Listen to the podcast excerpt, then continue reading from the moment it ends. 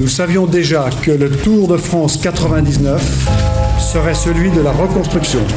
3 juli 1999 gaat de geschiedenis in als de dag van de wederopstanding van de Tour.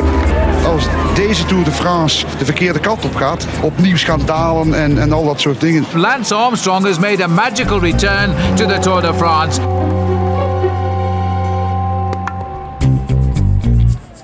Radio Tour de France verslaggever Steven Dalebout onderzoekt hoe de tijd onze kijk op de wielergeschiedenis verandert.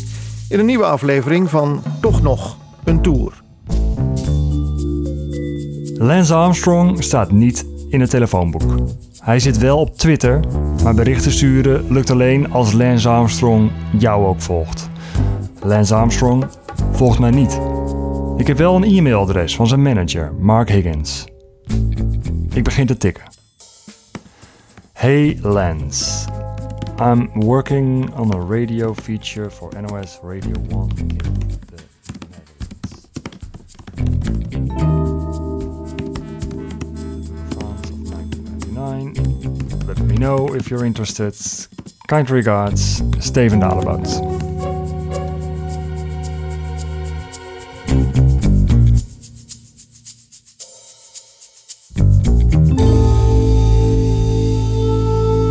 Gaan verder met wielrennen. Op de 4e juli rijdt een Amerikaan in de gele trui in de eerste etappe in de Tour de France. Terug naar 1999. Na de proloogzege van een dag daarvoor start Armstrong voor het eerst in het geel. Lance Armstrong. Hij vloog gisteren in de proloog. En zo is er tien jaar na Greg LeMond weer een Amerikaan die de leiding heeft in het algemeen klassement. Door alle dopingverhalen was de wielerwereld een paar dagen eerder nog ten dode opgeschreven.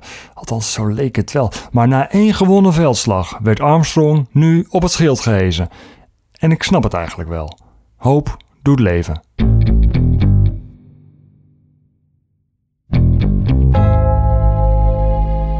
En de Nederlandse favoriet, want die rol is hem toch toebedacht, Michael Bogert.